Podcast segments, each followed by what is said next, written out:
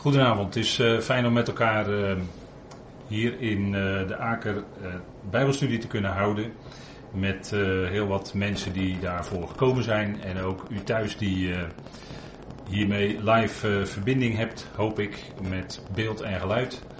U ook van harte welkom bij deze studie. En we gaan vanavond verder in het boek Openbaring, hoofdstuk 21. En dat is een ander gedeelte dan we gehad hebben.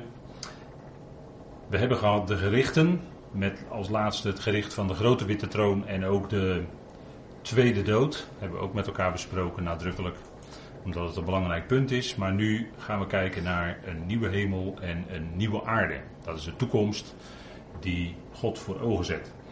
Voordat we gaan lezen met elkaar wil ik graag eerst met u beginnen met gebed. Vader, we danken u dat we zo met elkaar verbonden zijn en ook met elkaar hier aanwezig kunnen zijn om het woord met elkaar te delen. We danken u dat u ons vasthoudt, draagt, ook vanavond. Geeft u wijsheid in het spreken, in het luisteren. Vader, mag de woorden die we spreken zijn tot opbouw. Mogen het goede woorden zijn die de tekst van de schrift zelf naar voren halen en daardoor tot uw eer en verheerlijking zijn. Vader, we danken u dat we dat woord hebben. Dat is een vaste grond onder onze voeten. En het, het wijst ons op wie u bent. Door uw geliefde Zoon, onze Heer Jezus Christus. Die alles voor ons heeft overgehad. Vader, dank u wel dat deze geweldige toekomst door Johannes gezien werd.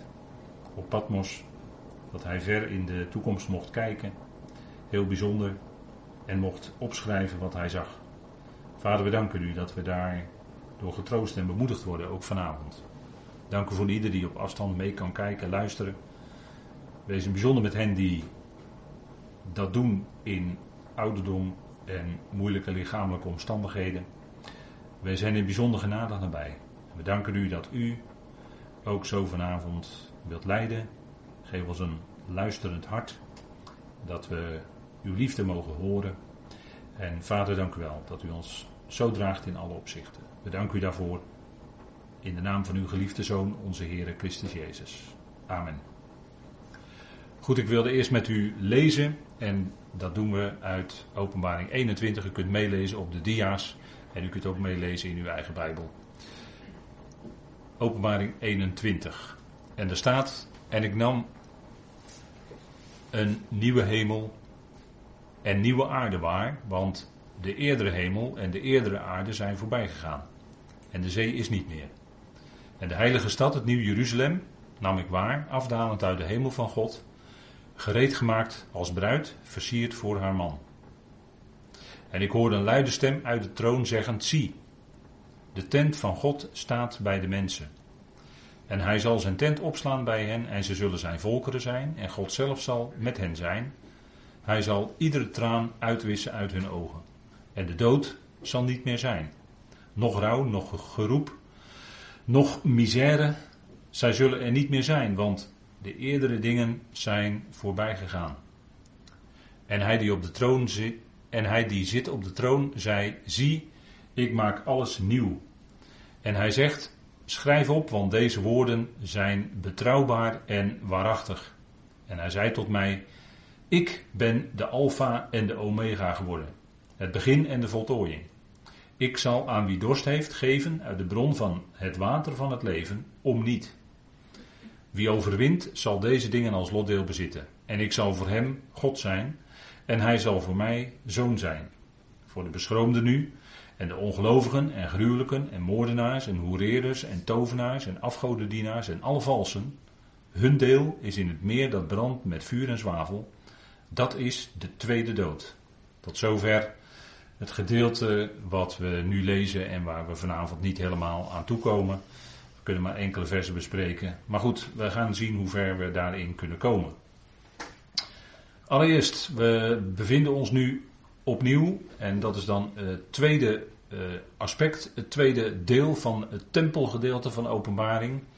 En het eerste gedeelte hebben we net afgesloten, dat is een lang gedeelte, 11 vers 19 tot en met 20 vers 15. En dan dit hoofdstuk 21 vers 1 tot en met 27 is opnieuw het tempelgedeelte. En u weet, dan gaat het om de religieuze verlossing van de aarde. We zien hier in Openbaring 21 vers 1 tot en met 22 vers 5 een nieuwe situatie. Als je het heel kort samenvat. En een naschrift, vers 6 eh, tot en met 21. En als we dat wat verder specificeren, dan is dat in vers 1 tot en met 5 alle dingen nieuw. En vers 6 tot en met 22, vers 5 deze dingen in lotbezit. Dus een nieuwe hemel en een nieuwe aarde. Dat is wat Johannes zag. En de eerste of eerdere of vorige hemelen en vorige aarde zijn voorbij gegaan. En nu een nieuw. We gaan er naar kijken. Als we nog even inzoomen op een vergelijking, het eerste tempeldeel en het tweede tempeldeel, dan zien we dat het gaat in het eerste deel om de aanbidding van Yahweh, die hersteld wordt. En dat gebeurt in een stenen gebouw, hè, zoals Ezekiel dat heeft mogen opschrijven. Vers, uh, hoofdstuk 40 tot en met 48. Ezekiel, daar wordt de tempel van het millennium beschreven. Een geweldig gebouw, maar dat is een stenen gebouw en dat zal daar duizend jaar, misschien iets langer staan, ongeveer duizend jaar. Pak weg. En dat is dan, zoals we ook gezien hebben onlangs nog, de dag van Yahweh. Dan het tweede gedeelte, waar we nu in zitten, het tweede tempeldeel, is de aanbidding van God. En dan zien we geen gebouw. In de beschrijving van Nieuw-Jeruzalem en ook hier in de beschrijving die we net gelezen hebben, is er geen gebouw. En goed, die cyclus, 25.000, eh, bijna 26.000 jaar, eh, dat is de omwenteling van de ster, de noordelijke ster. Als die helemaal is rondgegaan, 360 graden, dan staat hij na zoveel jaar weer bovenaan. Mogelijk duurt het die periode, maar we weten het niet. Dus vraagteken. En dat noemen wij, uh, we zijn hier nu niet meer in de dag van Yahweh, maar we zijn nu in de dag van God. Dus dan zijn we een grote stap verder, om het zo maar te zeggen. Goed, als we nog verder even kijken in uh, openbaring en we vergelijken de twee delen met elkaar, dat dan is er ook een troongedeelte en ook in uh, hoofdstuk 22 keert dat terug. 22 vers 1 tot en met 5, dan heel kort. Maar in het eerste deel, dat hebben we allemaal gezien, zagen we vanuit de troon donder en bliksem. Dus dat wijst op de verontwaardiging van God en de aspecten die daaruit naar voren komen, de gerichten die daadwerkelijk over de aarde, over de volkeren komen, over Israël. En dat komt vanuit de troon en dat duurt pakweg de 70ste jaarweek van Daniel, dan heb ik het wat grof genomen, en misschien ook even nog daarna. En het tweede troongedeelte, dan zien we uit de troon komen een rivier van zegen. Die komt ook uit de troon. En opnieuw dat, die lange periode van zoveel duizend jaar, bijna 26.000 jaar misschien. En dan gaat het niet meer om Gods verontwaardiging, maar om Gods heerlijkheid. En daar gaat het natuurlijk allemaal naartoe. Dus even de vergelijking tussen die twee gedeeltes uit openbaring.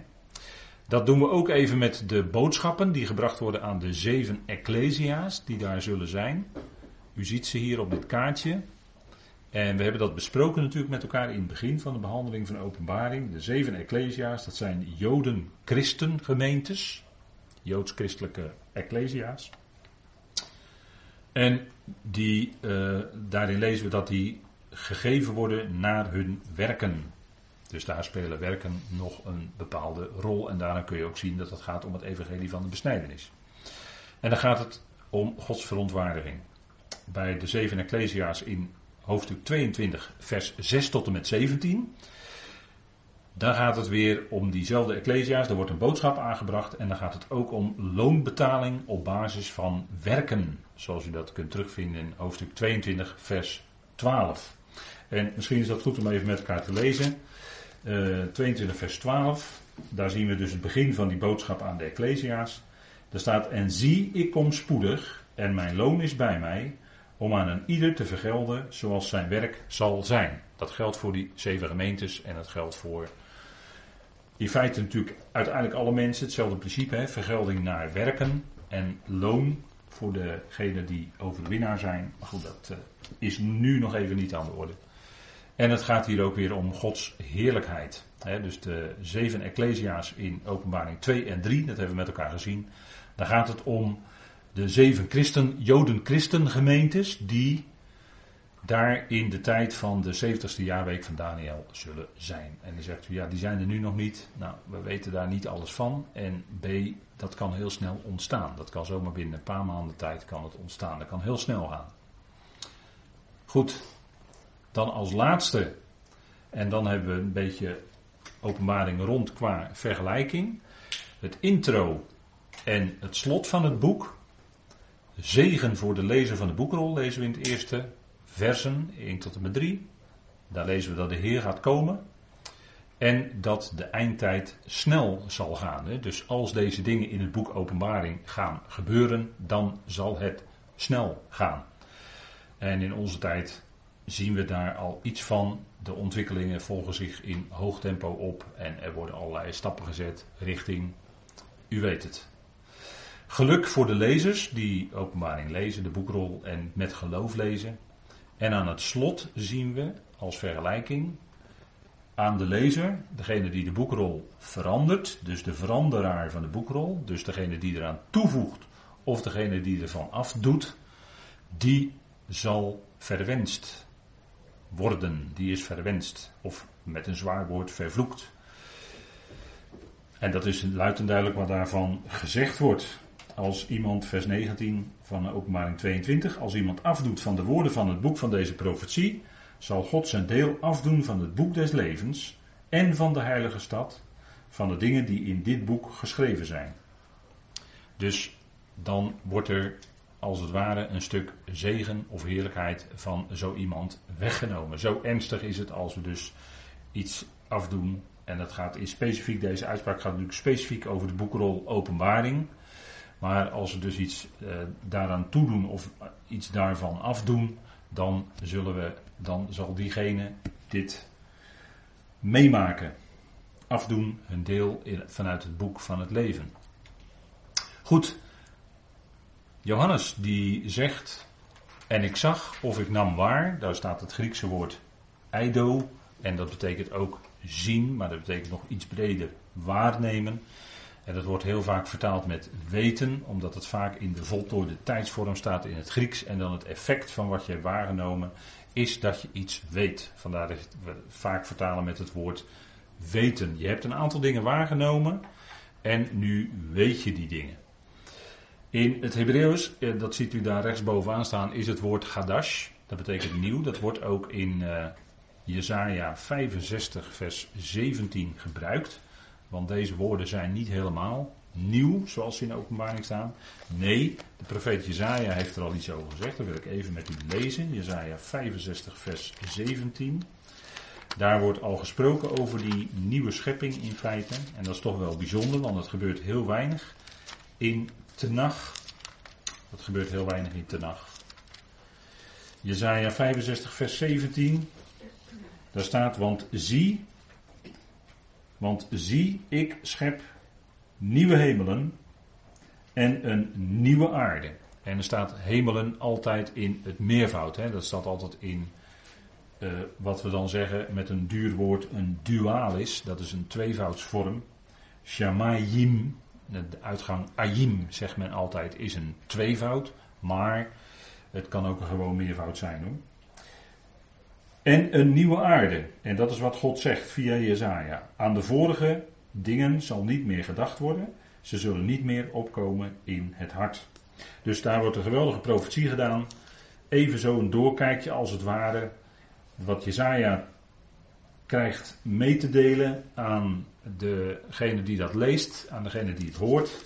En in hoofdstuk 66 lezen we opnieuw over deze nieuwe hemel en een nieuwe aarde in vers 22. Want daar staat, want zoals de nieuwe hemelen en de nieuwe aarde die ik ga maken, voor mijn aangezicht zullen blijven staan, spreekt de Heer, zo zullen ook uw nageslacht en uw naam blijven staan.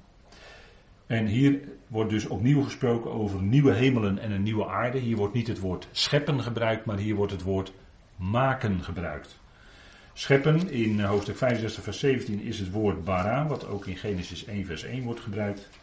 En het woord maken in uh, vers 22 van uh, hoofdstuk 66. Daar wordt het woord Aza gebruikt.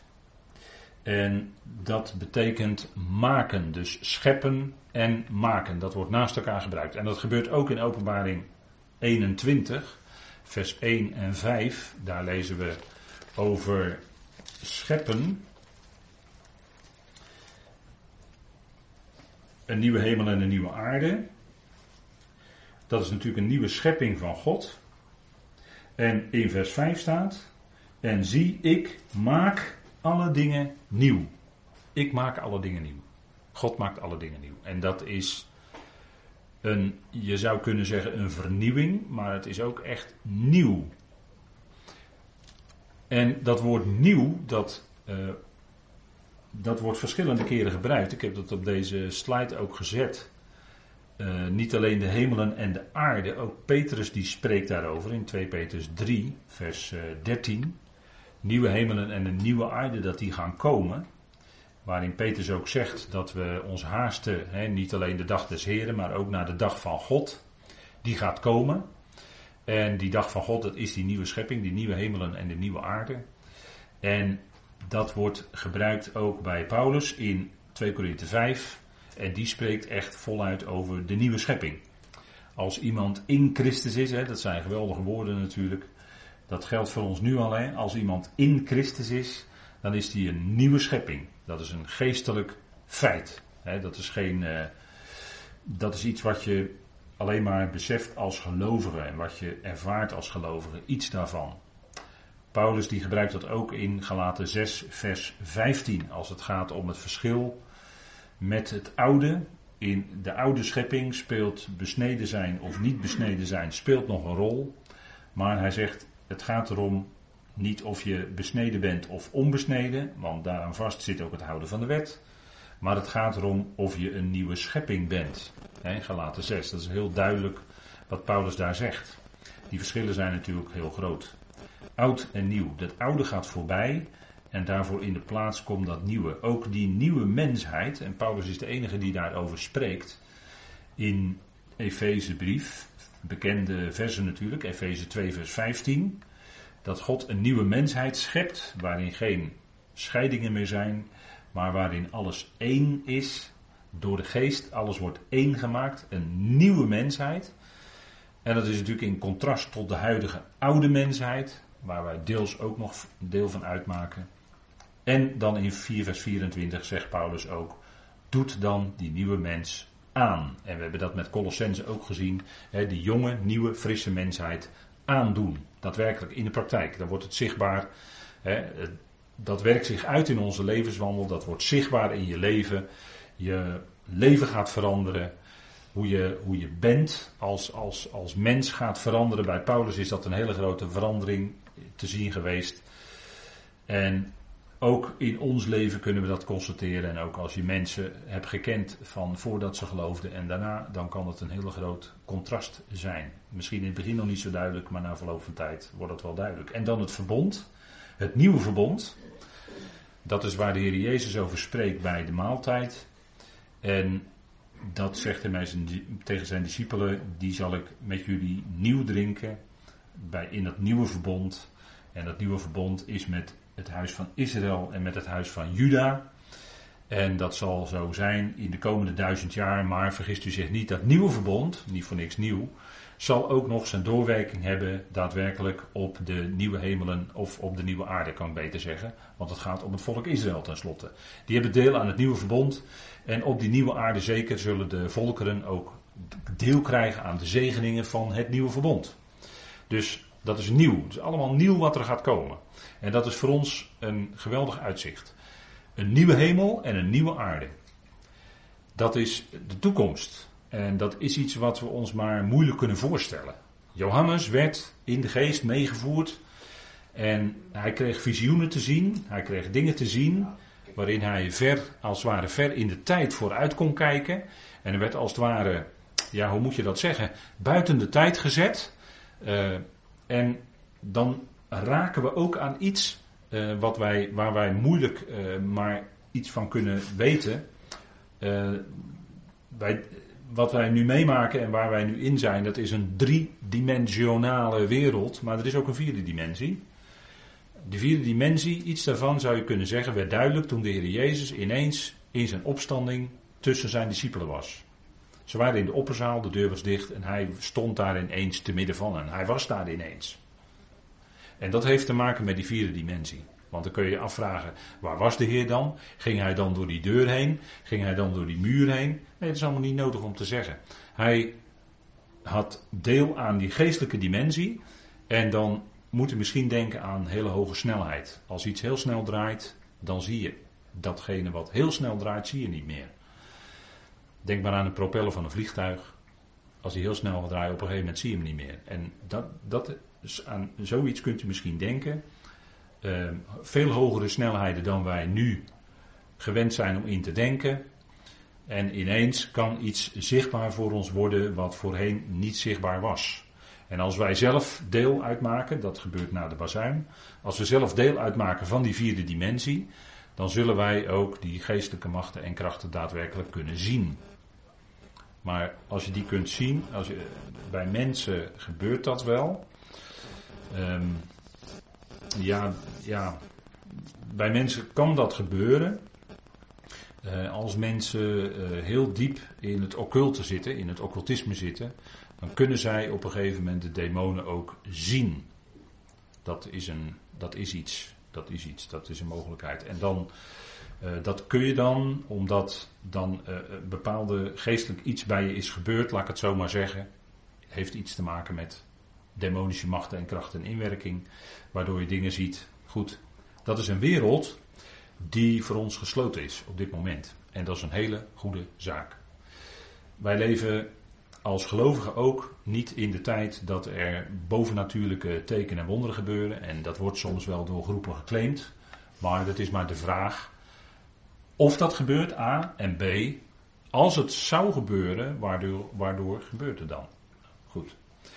Dat zijn allemaal dingen die uh, natuurlijk, eh, er is duidelijk sprake van een geestelijke wereld, want God is geest en God werkt door zijn geest in ons en we zien de uitwerking daarvan in ons leven, in ons hart en we ervaren dat. Daardoor kunnen we ook het woord van God begrijpen, verstaan. Dat is door de inwerking van de geest van de waarheid. Anders kun je het niet verstaan en ga je het ook niet accepteren als waarheid. En dat is heel belangrijk in deze tijd waarin we leven, in de dagen waarin de leugen regeert. Dat is op alle, alles, alles zo'n beetje, alles wat op je afkomt, zit in feite in uh, de leugen of is daar minstens besmet mee. Maar dan neem ik nog een klein beetje terug. Maar dat is heel erg aan de hand in deze tijd. En daarom zien we ook dat we nu in deze tijd leven in de, tot een hoogtepunt komen van deze boze aion. En dat zal in de komende tijd, als wij weggenomen zijn, zal dat heel snel doorzetten. En zal dat daadwerkelijk gaan met een moeilijk woord culmineren. Tot een hoogtepunt komen. En dat is waar we, als u het mij vraagt, heel dicht tegenaan zitten. Maar we gaan toe, dat is waar we vanavond het over hebben, naar die nieuwe hemel en de nieuwe aarde. Dat is een vernieuwing, dus dat oude gaat daadwerkelijk voorbij. En ook in je leven ervaar je daar al iets, iets van, want we zijn in Christus een nieuwe schepping. We zijn van binnenuit veranderd geworden. En dat is al die vernieuwing. En daar is, dan raakt dat oude raakt op de achtergrond. Dat wordt minder zichtbaar. Nou, dat is al een kleine prelude zou je kunnen zeggen. Dat is al een kleine vooruitblik op het grote verschil tussen oud en nieuw. En denk erom dat die nieuwe schepping grandioos zal zijn. En soms als je wat door de, je door de natuur beweegt, je bent aan het wandelen of aan het fietsen, dan zie je prachtige dingen. De natuur om je heen, het groen, het water, eh, noem alles maar op, de vogels, de dieren, eh, allemaal schitterend om te zien. En dan denk je bij jezelf, wat is het toch fantastisch als straks die nieuwe schepping komt. En dan kun je natuurlijk afvragen of daar ook dieren zullen zijn. Ik weet het niet, misschien wel, zou zomaar kunnen. Of, eh, en eh, of daar grote dieren, kleine dieren zullen zijn. We, je kan je ook nadenken welke dieren waren er in de eerste aion. Want dat ben ik wel van overtuigd dat in de eerste aion, op die oorspronkelijke eerste schepping, er allerlei dieren waren. En misschien ook wel hele grote dieren. Er zijn wel, in ieder geval wel grote skeletten gevonden. En die hebben misschien ook nog wel geleefd uh, voor de dagen van Noach. Of in de dagen van Noach. En die zijn door de grote vloed misschien allemaal vergaan. En is daar bepaalde beperkingen in gekomen. Het zou allemaal zomaar kunnen. Uh, en ook op de nieuwe aarde zal het ook best zo kunnen zijn dat er ook dieren zijn. Maar daar wordt niet over gesproken. Dus of u uw hond of uw kat daar terug ziet. Want dat, dat vragen mensen zich soms wel eens af. Ja, nee, echt. Dit, dat weten we niet. Misschien wel. Misschien wel. Goed, dan weten we, of we, we zien ook dat er drie hemelen en drie aarden zijn, om het zo maar te zeggen. En dat is allereerst de oorspronkelijk geschapen hemelen en aarde, waar ik net al even aan refereerde, Genesis 1, vers 1. En die hemelen en aarde, staat er in Jesaja 45, die zijn tot bewoning gecreëerd, tot bewoning geschapen. Die zijn niet als een woestheid geschapen, zegt Jesaja 45, maar om te bewonen. Dus dat God oorspronkelijk een chaos maakte eerst, dat is uh, iets wat mensen erin leggen. Dat is niet wat er staat. Er staat dat God in het begin de hemelen en de aarde schiep. En als God iets schept, dan is dat iets fantastisch. Dan heeft dat structuur. Dan is dat geen wanorde, geen chaos. Nee, dan is het iets geweldigs. Dus dat komt meer uit de Griekse voorstellingen, uit de Griekse kosmologieën, zoals dat dan heet. En uit allerlei andere geschriften heeft men dan afgeleid dat de oorspronkelijke chaos was en dat is dan langsbehand of wat sneller gestructureerd geworden. Nou, dat is een, uh, in feite een ander denken dan het denken van de schriften. De schrift geeft duidelijk aan dat God in het begin alles schiep. Dat is, gegaan, dat is vergaan door een enorm watergericht. Waardoor de hemelen en de aarde vergaan zijn door water. Alles stond onder water. En dan daarom, en we leven nu in de herstelde hemelen en aarde, waarvan Peter zegt, dat zijn de hemelen en aarde die er nu zijn. 2 Petrus 3 vers 7, laten we het even met elkaar opzoeken, kunnen we het even met elkaar lezen. 2 Petrus 3 vers 7. En daar uh, lezen we even en dan even van, voor het verband vanaf vers 4. En zeggen, dat zijn spotters, hè, ook in onze dagen zijn die, er zijn spotters die uh, wandelen naar hun begeerte. En die zeggen, waar is de belofte van zijn komst? Want vanaf de dag dat de vaderen ontslapen zijn, blijven alle dingen zoals vanaf het begin van de schepping.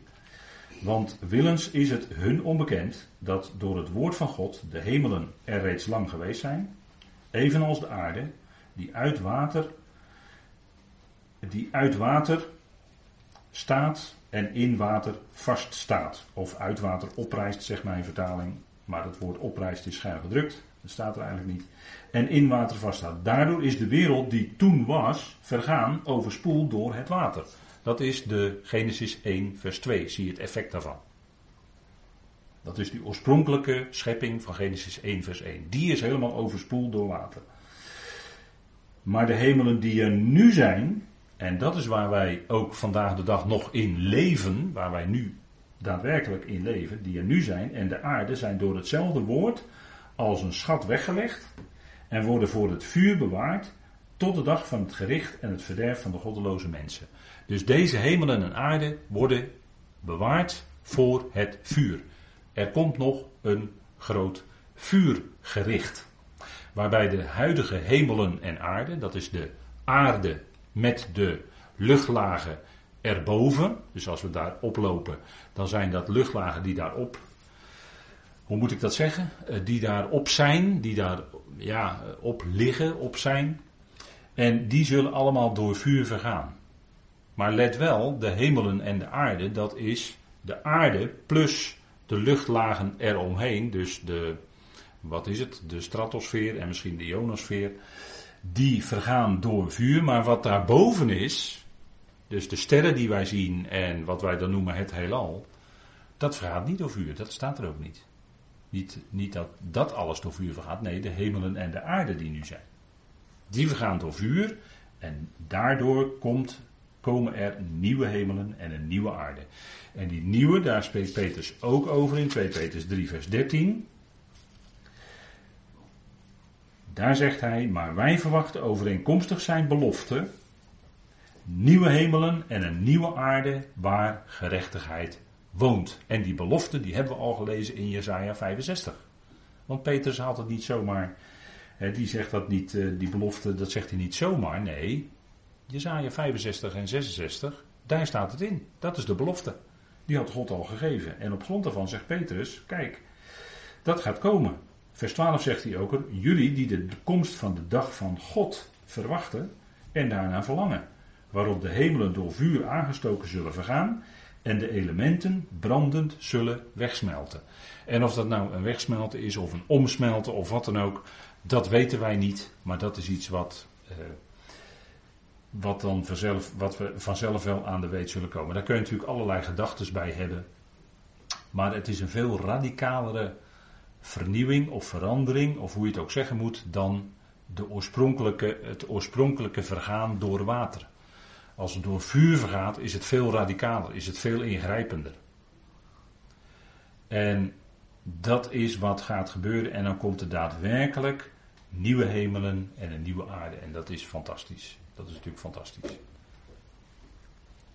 Dat is natuurlijk een geweldige toekomst.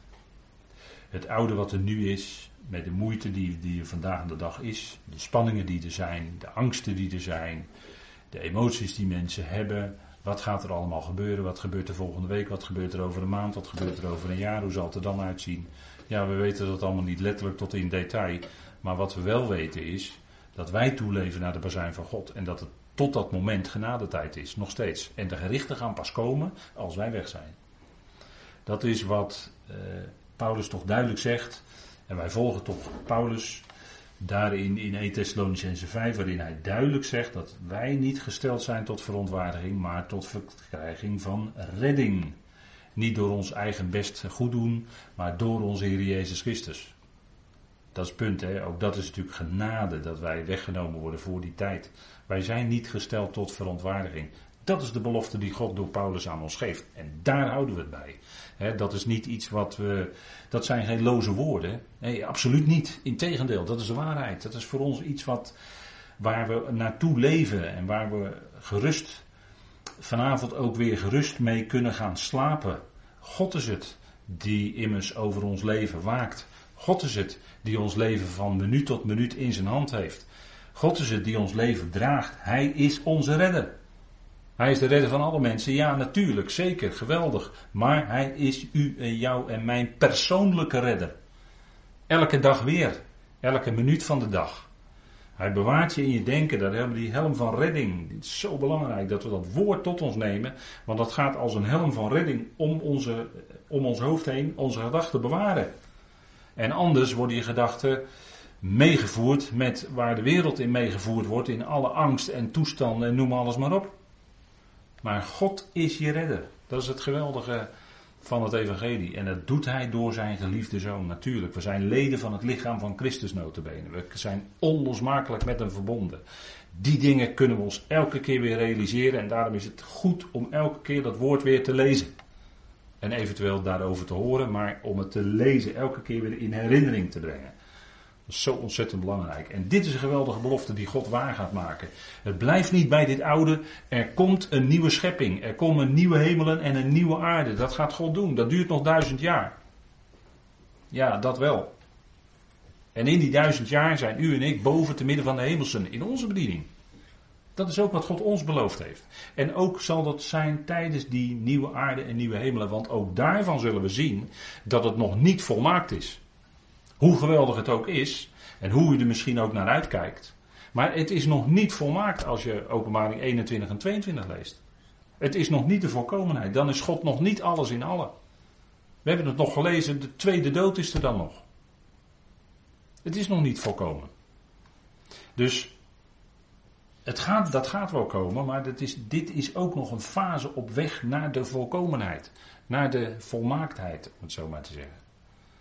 Kijk, dat oude dat gaat voorbij. Maar dat heeft een bepaalde functie. Dat heeft een bedoeling. God heeft die hele schepping die er nu is aan de vruchteloosheid ondergeschikt gemaakt. Niet vrijwillig, maar dat is omdat God dat zo wilde. En dat lijden, die vruchteloosheid, die moeiten die wij hebben, dat heeft toch een bepaalde functie in Gods plan. Dat heeft toch een bepaalde bedoeling, want God werkt daar iets mee uit in ons leven. Kijk, het lijden is ook niet eindeloos. God zij dank niet. Nee, het gaat voorbij, maar het zal wel een enorme vrucht aan heerlijkheid gaan opleveren. Dat zegt Paulus toch in zijn brieven. Wat wij meemaken nu, die vernedering, dit, de, steeds maar tekort voelen schieten en, en, en, en, het lijden en ziekte en, en nood en, en tegenslag en uh, mensen verliezen en mensen missen. Ja, dat is er allemaal, maar dat, dat heeft een bepaalde bedoeling. Dat het vrucht gaat opleveren in de toekomst, in de nabije toekomst. Dan zullen we elkaar terugzien, als het gelovigen betreft. En als het ongelovigen betreft, dat kunnen ook vrienden zijn. Die kun je ook ontvallen, maar die zul je ook terugzien. Wanneer?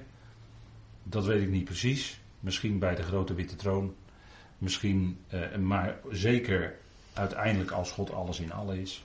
Dan zullen we elkaar zeker weer terugzien. Dus dat is altijd voor ons, als we afscheid moeten nemen van mensen, helaas dat is verdrietig, maar is het altijd een tot ziens. Het is nooit definitief voorbij. Maar het is altijd een tot ziens in de opstanding. En Johannes zegt hier dan de vorige hemelen, want er komen een nieuwe hemel en nieuwe aarde, want de vorige hemel en de vorige aarde zijn voorbij gegaan en de zee is niet meer. dat is natuurlijk ook wel bijzonder dat hier staat de zee is niet meer. De zee die heeft in de schrift ook wel eens soms een bijna wat sinistere klank, omdat daar, dat wordt dan verbonden met duisterheden of met een afgrond of met Sheol. Uh, je moet die teksten van Job en Jezaja dan maar eens lezen, die ik hier uh, afgedrukt heb. En de zee is ook een beeld van de volkerenzee. We hebben uh, zand en zee, zoals u op dit plaatje ziet. Zand is dan het vasteland, hè, het droge land, de aarde, dat is dan het beeld van Israël soms. Het kan een type zijn van Israël. En de zee kan een type zijn van de volkerenzee, hebben we ook in openbaring gezien. Maar het gaat voorbij. Alles, en dat zingen we ook, alles hoe mooi ook zal eenmaal vergaan. Alles hoe mooi ook, ja. Maar we lezen ook in de schrift dat dat zo is en dat het vastgesteld wordt. Laten we even lezen in Psalm 102. Psalm 102. Daar wordt het ook gezegd.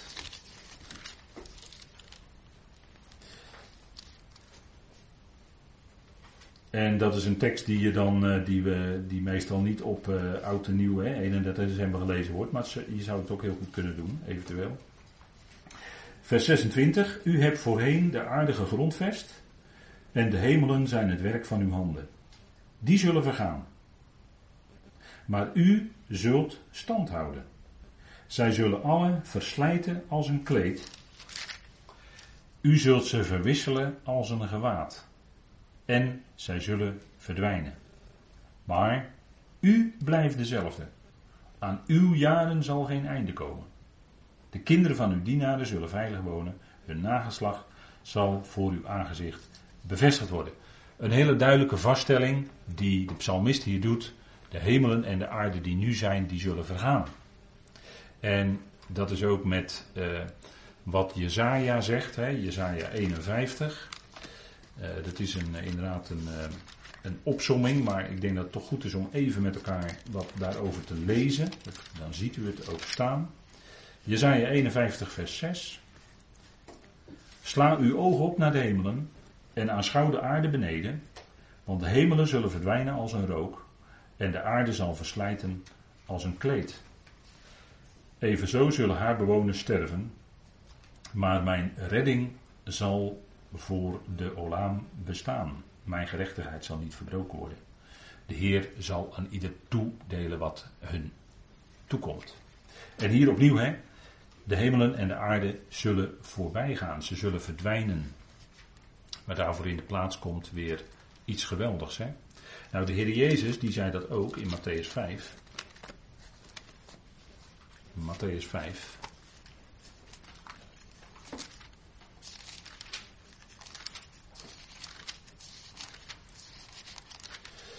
Matthäus 5 en dan vers 18. Dat zegt de Heer, want voorwaar ik zeg u, totdat de hemel en de aarde voorbij gaan, zal er niet één jota of één titel van de wet voorbij gaan, totdat het alles is geschied. Die Torah, die blijft staan. Dat woord van God, dat blijft staan, dat blijft bestaan. Dat staat vast. En het is geen enkele, dit, dit, deze versen, vers 17 en 18, worden wel eens gebruikt als argument dat wij als gelovigen toch onder de wet moeten leven. Maar dit is, hier, hier kun je dat argument helemaal niet uithalen. Hier zegt de Heer dat hij die wet en de profeten vervulde, want die wet en die profeten spraken immers over hem. En hij heeft die, hij heeft die woorden vervuld. En natuurlijk, die woorden blijven staan, want ze hebben zeggingskracht in deze schepping totdat die schepping vergaat. Jazeker, ze hebben zeggingskracht. Maar dat neemt niet weg dat de apostel Paulus zegt dat wij niet leven onder de wet, maar onder de genade. Romeinen 6. En de gelaten brief. Lees die er maar op na. We leven in en door en onder en uit genade. Dat blijft altijd de basis van het, hè, de kern van het evangelie wat Paulus brengt. Dus dat gaat niet aan om deze tekst daarvoor te gebruiken. Dan eh, gebruik je hem voor iets wat niet, waar die niet voor bedoeld is. Nou, zo ook de andere schriftplaatsen die opgezomd zijn waar de Heer dat zegt, dat de hemel en aarde zullen voorbij gaan. En al eerder in openbaring 20, vers 11, en dan zijn we weer dichter bij ons tekstgedeelte. En ik zag een grote witte troon, openbaring 20 vers 11, en hem die erop zat, en voor zijn aangezicht vluchten de aarde en de hemelen weg, zodat er geen plaats meer voor hen te vinden was. Nou, dat is een prachtige beeldspraak. Ze vluchten weg. Peter zegt ze vergaan door vuur. Nou, zo zal het ook zijn. Ze vergaan door vuur. En hier wordt er dan als een beeldspraak gezegd: ze vluchten weg voor zijn aangezicht. Dus zij zullen daadwerkelijk vergaan. Die oude hemelen en aarde, zij zijn niet blijvend. Zij, vanaf nu zullen zij nog zeker duizend jaar bestaan. En de schrift geeft aan dat de aarde vast staat. dat, daar zijn heel wat schriftplaatsen voor te noemen. De aarde staat vast. En dat zal zo zijn totdat die aarde door vuur vergaat. En zo lang zal die blijven bestaan. En uh, dat is wat gegarandeerd is. Dat is nog duizend jaar. Goed, wat zag Johannes nog meer? Hij zag en de heilige stad, het nieuwe Jeruzalem, zag ik of nam ik waar. En dat is natuurlijk waar mensen dan eh, in kerken en groepen geweldig over kunnen zingen. Het nieuwe Jeruzalem, daar zal ik mijn Heer ontmoeten. Maar eh, als u het mij vraagt, gaan wij de Heer ontmoeten bij de bazuin. Dus al veel eerder dan dat het Nieuw Jeruzalem uit de hemelen neer gaat dalen op de aarde, zoals die beschreven staat. Maar wij ontmoeten de Heer al veel eerder. En het is natuurlijk een prachtig toekomstbeeld dat de mensen denken van wij zullen deel hebben aan het Nieuwe Jeruzalem. En dan kerkelijk denken is dan dat het huidige Jeruzalem of Sion, dat is dan als je in de kerk bent, hè, dan ben je al een beetje in het koninkrijk. Hè. Dat is dan de kerkelijke gedachte. Is niet schriftuurlijk, maar het is de kerkelijke gedachte. En dat ze nu dan al in het, in het huidige Jeruzalem zijn, maar dan zullen ze deel hebben aan het nieuwe Jeruzalem. Er wordt dan heel gloedvol over gezongen en het klinkt allemaal prachtig. Maar of het naar de schrift is, dat is een hele andere vraag. Ik denk het niet. Ik denk dat wij misschien bij gelegenheid wel eens in het nieuwe Jeruzalem zullen zijn, eventueel, als dat de opdracht van de Heer is. Maar wij zijn te midden van de hemelsen bezig met onze bediening, ook nog op tijdens een nieuwe aarde. En hoe het dan daarna gaat als die muren eenmaal weg zijn, dat weet ik niet. Maar dat is natuurlijk wel een geweldig toekomstperspectief. En dat is wat ook bij gelegenheid werd gezien. Hè? Die heilige stad wordt het hier genoemd, het nieuwe Jeruzalem. Dat is daadwerkelijk uh, een nieuw Jeruzalem. En het huidige Jeruzalem, dat weten wij, is meerdere keren al verwoest geworden. En zal nog één keer verwoest worden. Dat is wat Zacharia zegt. En dan zal de Heer zijn voeten zetten op de Olijfberg. Als Jeruzalem verwoest wordt. En dan daarna zal Jeruzalem opgebouwd worden. En zal duizend jaar blijven bestaan. Totdat het ook door vuur vergaat. Want ook dat Jeruzalem zal uiteindelijk natuurlijk door vuur vergaan. Zoals alles. En dat is wel eens een, een vreemde gedachte als je uh, bijvoorbeeld, uh, ja, ik noem, ik noem wat, je bent buiten en, en je bent bijvoorbeeld bezig in je tuin, of je bent, uh, je bent gewoon buiten, je loopt ergens of je fietst ergens. En is heel, soms heel de gedachte dringt zich op van ja, dat is mooi dat het hier allemaal is en het zal er nog duizend jaar zijn, maar het zal allemaal door vuur vergaan. Het is niet blijvend. Het is toch allemaal tijdelijk. En dat corrigeert je wel weer in je gedachten. Het Nieuwe Jeruzalem wordt uitgebreid beschreven in vers 9 tot en met 27 van dit hoofdstuk. En dat gaan we ook nog natuurlijk bespreken, maar daar komen we vanavond niet aan toe. En hoe wordt Jeruzalem dan genoemd? Jeruzalem heeft vele namen in de loop van de tijd gekregen in de schrift. En daar wil ik toch met u even wat langslopen. Jeruzalem betekent letterlijk, zo zou je het kunnen afleiden, bezit of bezet door vrede. Het is een samengesteld woord.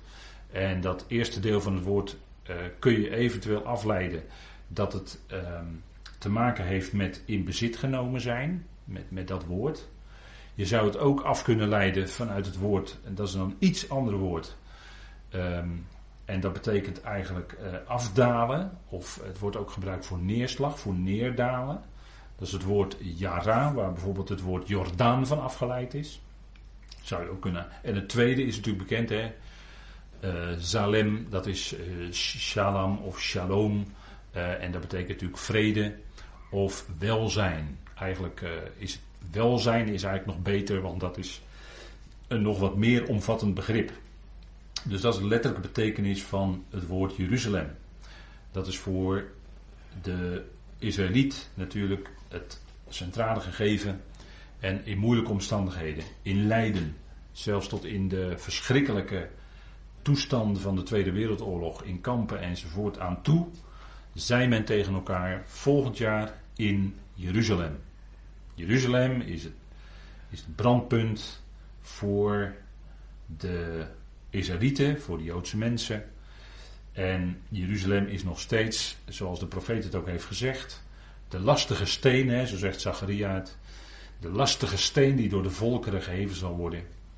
En men zal zich daar enorm aan verwonden. En dat is natuurlijk al gebeurd en zal nog, zal nog meer gaan gebeuren. En je ziet ook in de eindtijd, hè, dat hebben we gezien in de, in de studies, openbaring tot nu toe. In de eindtijd zie je eigenlijk die stad Jeruzalem, hè, wat de stad is van de grote koning in feite. De stad Jeruzalem staat tegenover Babylon. En Babylon is eenmaal de hoofdstad van het antichristelijke wereldrijk, wat in de nabije toekomst zijn beslag zal krijgen met Babylon, dan bedoel ik dus het huidige Babylon in Irak, wat uh, uitgebouwd wordt door de Chinezen, as we speak. En dat zal uitgroeien, uitgebouwd worden tot de wereldhandelshoofdstad van de eindtijd. En het gaat in hoog tempo als u het mij vraagt. Daar is uh, allerlei, uh, daar zijn heel veel bedrijfsactiviteiten de Chinezen bouwen het op en de Irakezen betalen het uit in olie. Hè, want olie is een grondstof die uh, onuit, eigenlijk onuitputtelijk is. Hè, de olievoorraden in de wereld zijn in feite onuitputtelijk. Hè, wat men ook daarvan beweert. Maar de echte kenners die zeggen dat het een onuitputtelijke voorraad is. Omdat het nog steeds in feite toeneemt. Niet afneemt, maar neemt toe. En dat is een geweldig iets om ook te kunnen betalen. Ze betalen dan in olie. En dat is natuurlijk een prachtige deal. Nou, we zien hier op dit plaatje, en dan gaan we zo meteen pauzeren. We zien hier op dit plaatje Melchizedek. Melchizedek, die Abraham zegent. En Melchizedek, die wordt genoemd de koning van Salem. En uitleggers die denken dan dat dat Salem uh, waarschijnlijk al een vroege aanduiding is voor Jeruzalem. En dan zegt u, ja, dat heette toch Jebus? Klopt, klopt, dat heette Jebus. Maar dat werd veroverd door David. En toen daarna werd het Jeruzalem genoemd. Maar hij was koning van Salem, toch iets heel bijzonders. Want uh, hij was een priester van de Allerhoogste God, staat er dan. En natuurlijk is hij een type van de Heer Jezus Christus, in, zoals die dat zal zijn in het aardse koninkrijk de komende duizend jaar. Daar is Melchizedek een type van. Wordt ook in de Hebreeënbrief daar natuurlijk mee verbonden. Hè? Christus zal koning priester zijn naar de ordening van Melchizedek. Aan wie Abraham de tiende gaf. En daarom was Levi van een lagere orde dan dat Melchizedek was. Melchizedek is een veel hogere priesterorde. Want Abraham gaf aan Melchizedek de tienden. En op dat moment was Levi nog in de lenden van Abraham. Dus Genesis 14, vers 18, daar gaat het over die Melchizedek. De koning van de gerechtigheid. Hè, er wordt allemaal in Hebreeën uitvoerig over bericht. Koning van gerechtigheid en koning des vredes. Koning van Salem wordt hij genoemd. Mogelijk een aanduiding voor Jeruzalem. Dan hebben we Jebus. Jebus. En Jebus dat heeft te maken met platgetreden worden. Jebus heeft te maken met de dorsvloer. De dorsvloer. En dat is denk ik ook geen toeval. Wordt voor het eerst genoemd in Richter 19, vers 10 en 11. Uh, en wordt gerefereerd ook aan de veroveringen van Jozua. Dat die Canaan veroverde. En daar werd ook uh, later dus Jebus veroverd op de Jebusieten. En Jebus heeft te maken met platgetreden zijn of vertreden zijn. En dat heeft te maken met de dosvloer. En was er niet de dosvloer van Arauna, van Ornan, vlakbij Jeruzalem? En een dosvloer in de schrift. En dan denken we ook aan Gideon. Gideon was ook bij een dosvloer. En dat had ook te maken met gericht. Een dosvloer heeft te maken met gericht. Daar worden de aarde door de hoeven van de ossen vertreden. Platgetreden, dat is het beeld van gericht. Dosvloer heeft in de schrift te maken met gericht. Denkt u maar aan David, die bad of dan die mocht kiezen en toen koos, verkoos hij het om te vallen in de handen van God. En toen werden er zoveel gedood en toen op een gegeven moment stopte dat. Maar dat, dat had te maken met die dosvloer daar van Arauna. Jebus, dus Jeruzalem, Jebus, dorsvloer. Jeruzalem heeft dan ook direct te maken met daar waar het gericht ook mede uitgevoerd wordt. Maar dat leidt uiteindelijk tot welzijn. Goed, we gaan even met elkaar pauzeren en dan gaan we straks met elkaar verder.